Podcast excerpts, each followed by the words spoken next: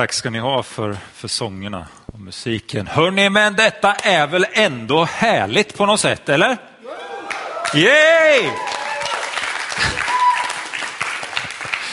Är det inte skönt att få träffas i kyrkan igen? Alltså du som inte kan vara här med oss, det är verkligen en fest och jag hoppas att du ska ha möjligheten att kunna komma hit och, och vara med på gudstjänster framöver. Du som sitter och är i Källby, så roligt att du är där och träffas i den gemenskapen. Jag hoppas att ni har det riktigt gott. Vi hälsar härifrån till Källby, eller hur?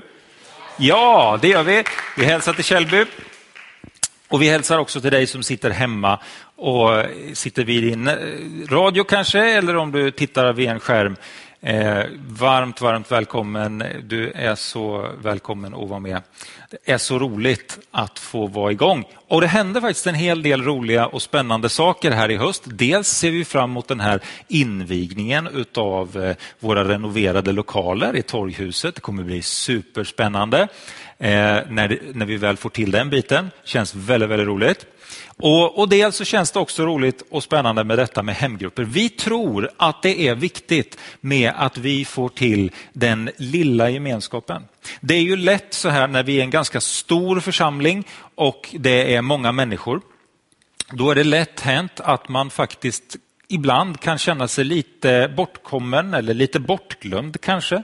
Eh, att man kanske inte blir sedd på det sättet som man känner att man har ett behov av. Och så är det när vi kommer i stora grupper.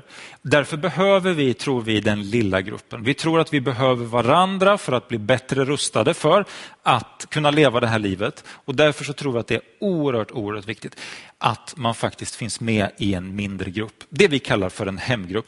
Och nu är det så här att jag vet att det finns sex stycken grupper som kommer kunna starta upp här under hösten, som är på gång. Liksom. Och sen finns det också en hel del grupper som redan är på gång. Det känns väldigt, väldigt roligt. Och Vi kommer faktiskt göra så här att varannan söndag, då, eller den andra och den fjärde söndagen i månaden, så kommer vi att göra en undervisning med, med eh, frågeställningar till som man kan, om man vill, använda sig av i sin hemgrupp. Så har man någonting att utgå ifrån. Eh, och Vi tror att det där kan bli ganska bra faktiskt. Eh, är du hemgruppsledare så ska du veta det att då kommer du att få vi kommer ta kontakt med dig under veckan som kommer så får du höra lite mer om vad tankarna är omkring detta. Och är det, det så att du känner att jag skulle vilja vara med i en grupp, ja, men ta kontakt med oss, precis som Sara sa förut. Och känner du att ja, men jag kanske skulle faktiskt kunna dra ihop några kompisar, vi skulle nog kunna samlas eh, hemma, så kanske det skulle kunna vara starten till ytterligare en grupp. Vem vet? Hörrni, nu ska jag läsa ett, bibel, ett, eh, ett ord från Bibeln, eh, Andra Korintierbrevet eh, kapitel 4 och vers 4 börjar jag vid. Paulus skriver så här, jag förkunnar inte mig själv utan Jesus Kristus. Han är Herre och jag är er tjänare för Jesus skull. Ty Gud sa, som sa, ljus ska lysa ur mörkret, har lyst upp mitt hjärta för att kunskapen om Guds härlighet som strålar från Kristi ansikte ska sprida sitt ljus. Men denna skatt har jag i lerkärl för att den väldiga kraften ska vara Guds och inte komma från mig. Alltid är jag ansatt men inte kringrädd rådvill men inte rådlös, förföljd men inte övergiven, slagen till marken men inte förlorad. Alltid bär jag med mig i min kropp den död som Jesus fick lida för att också Jesu liv ska bli synligt i min kropp.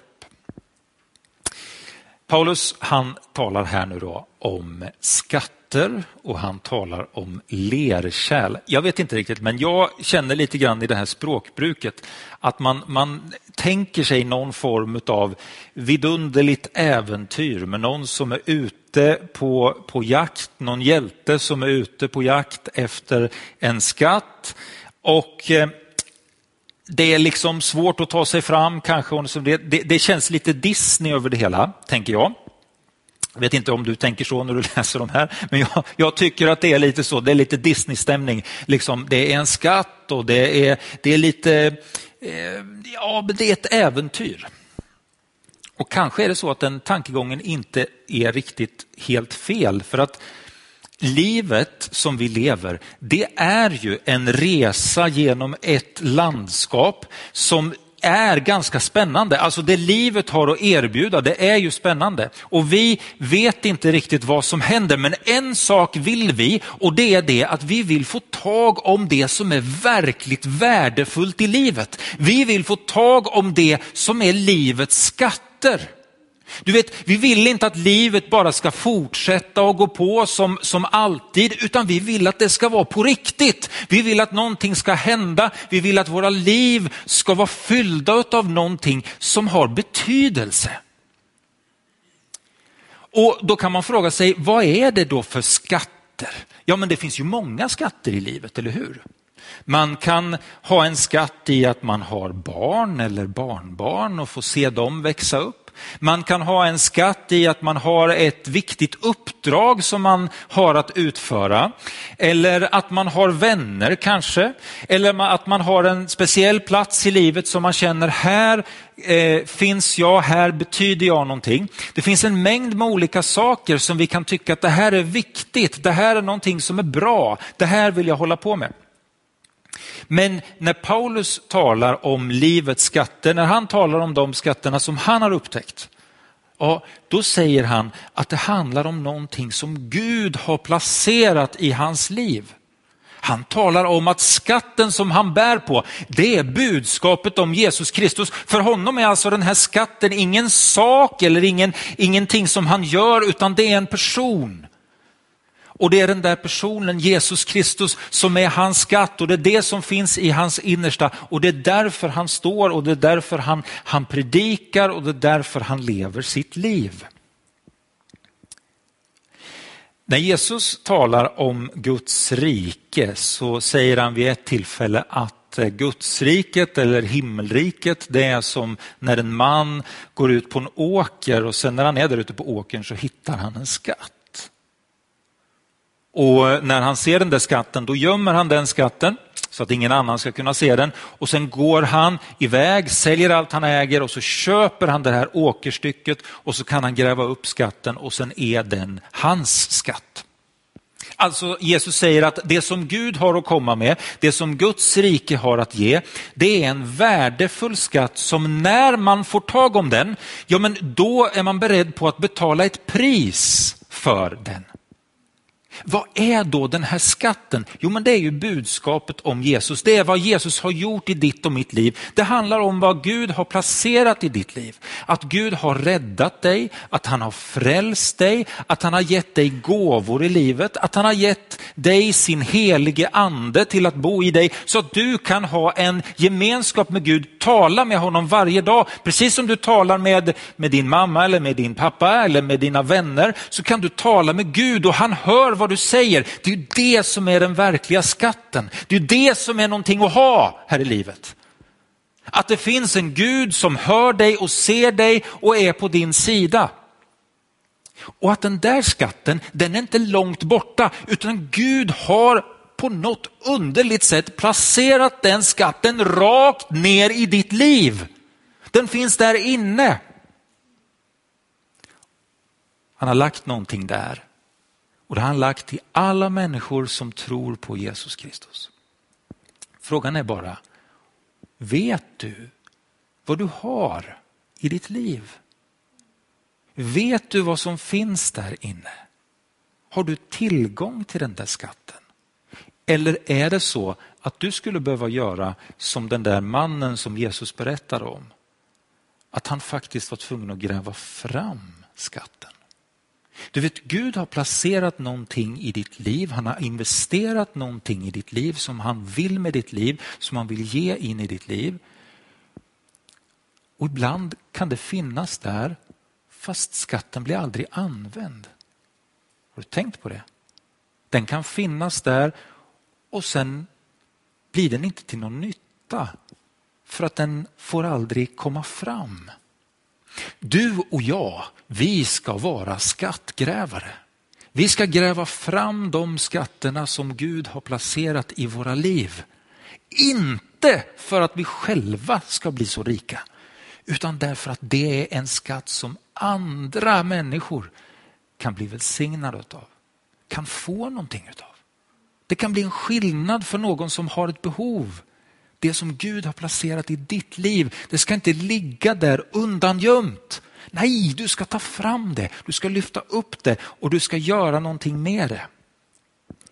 När Paulus pratar om det här så, så är han väldigt tydlig. Han vill säga att det viktiga är inte vem jag är, utan det viktiga är vad det är jag kommer med, vad, vad, vad, jag, vad jag vill presentera för någonting.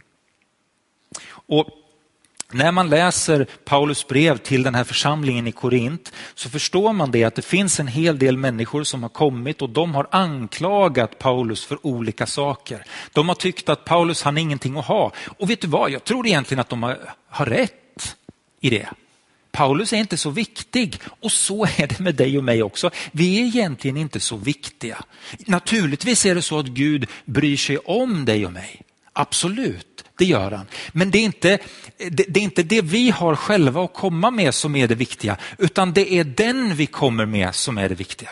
Det är den som bor i oss som är det viktiga. Det är det som är skatten. Det handlar inte om att du måste vara en, en andlig eh, superhero liksom, som klarar av allting. Det är inte det det handlar om. Men det som det handlar om är att Jesus måste kunna skina igenom ditt liv måste kunna lysa för andra människor. Och då säger Paulus så här att ja, men den här skatten som jag har, den, den har jag i lerkärl. Vad menar han med det egentligen? Ja, men jag tror ungefär så här. Man, man, man skulle ju tycka så här att när, när, om det finns en riktigt, riktigt fin och stor skatt så vill man ju gärna placera den i någonting som är hållbart, eller hur? Man vill ju skydda den där skatten. Man vill se till att den där skatten inte liksom, eh, far illa på något sätt. Så, så egentligen så skulle man ju kanske önska att en skatt, det får man liksom lägga i någonting som är stabilt och säkert. Ett kassavalv eller någonting sådär, liksom, så att man känner att man har lite koll på vart skatten är. Men så tänker ju inte Gud, utan Gud han tänker ju så här, jag placerar det i någonting som är ganska bräckligt. Jag placerar min skatt i människor. Och jag vet att de är som lerkärl. Hur är ett lerkärl? Ett lerkärl det är ju så att, att om man slår lite på det så är det lätt hänt att det åker av en flisa här. Det är lätt hänt att det blir en spricka någonstans i ett lerkärl. Det är lätt hänt liksom att det blir lite granna skavt sönder på sina håll. Och vet du, så är det med oss människor.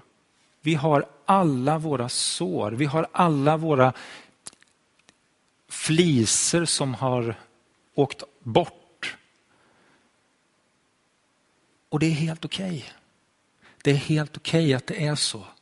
Det handlar inte om att du är stark, utan det handlar istället om att Gud som bor i dig är stark och hans kraft kan få lysa igenom dig.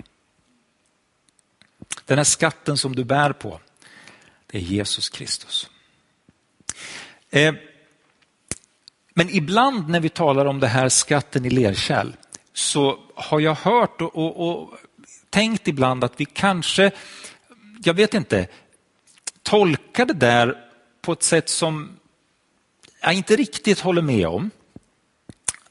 Eh, och jag ska förklara hur jag menar och får vi se om, om vad du tänker om det. Men ibland så, så, tänker jag, eller så hör jag att eh, man säger att ja, men det, det, handlar om det här att vi ska inte förlita oss på att vi är, är duktiga på någonting.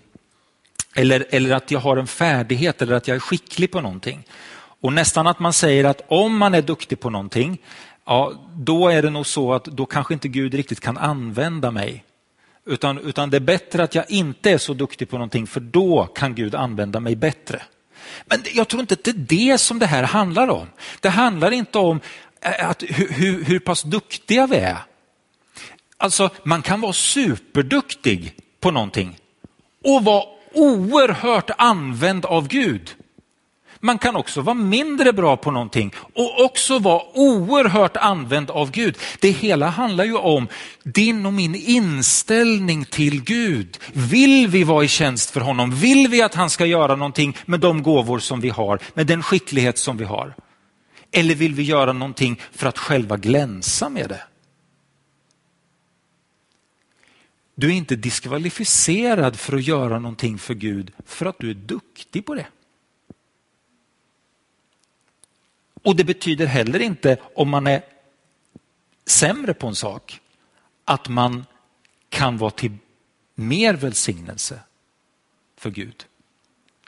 Men det du behöver, det är ju rätt inställning till Gud och vad han vill med ditt liv. Han vill verka genom dig, han vill verka i dig och han vill använda det som finns i dig. I gamla testamentet när man skulle bygga först tabernaklet och sen templet. Vad sa Gud då? Jo, då sa man så här, okej, okay, vi väljer ut dem som är de bästa på att snickra. Vi väljer ut dem som är de bästa på att sy. Ja, när de skulle göra tabernaklet och det, här, det var massa tygstycken och grejer. Det går ju att läsa massor om det där. Eh, och då valde man ut de som var, som var skickliga på det. Ja, men det är väl ganska självklart att man gör det egentligen. Man väljer ju de som kan det. Hur skulle det annars se ut? Tänk om man skulle placerat Niklas Victorell där och så skulle man ha gjort någonting. Ja, men det är frågan om någon hade velat komma till tabernaklet. Om jag hade sytt liksom. Jag tror knappt det. Men nu valde man ju folk som kunde det istället.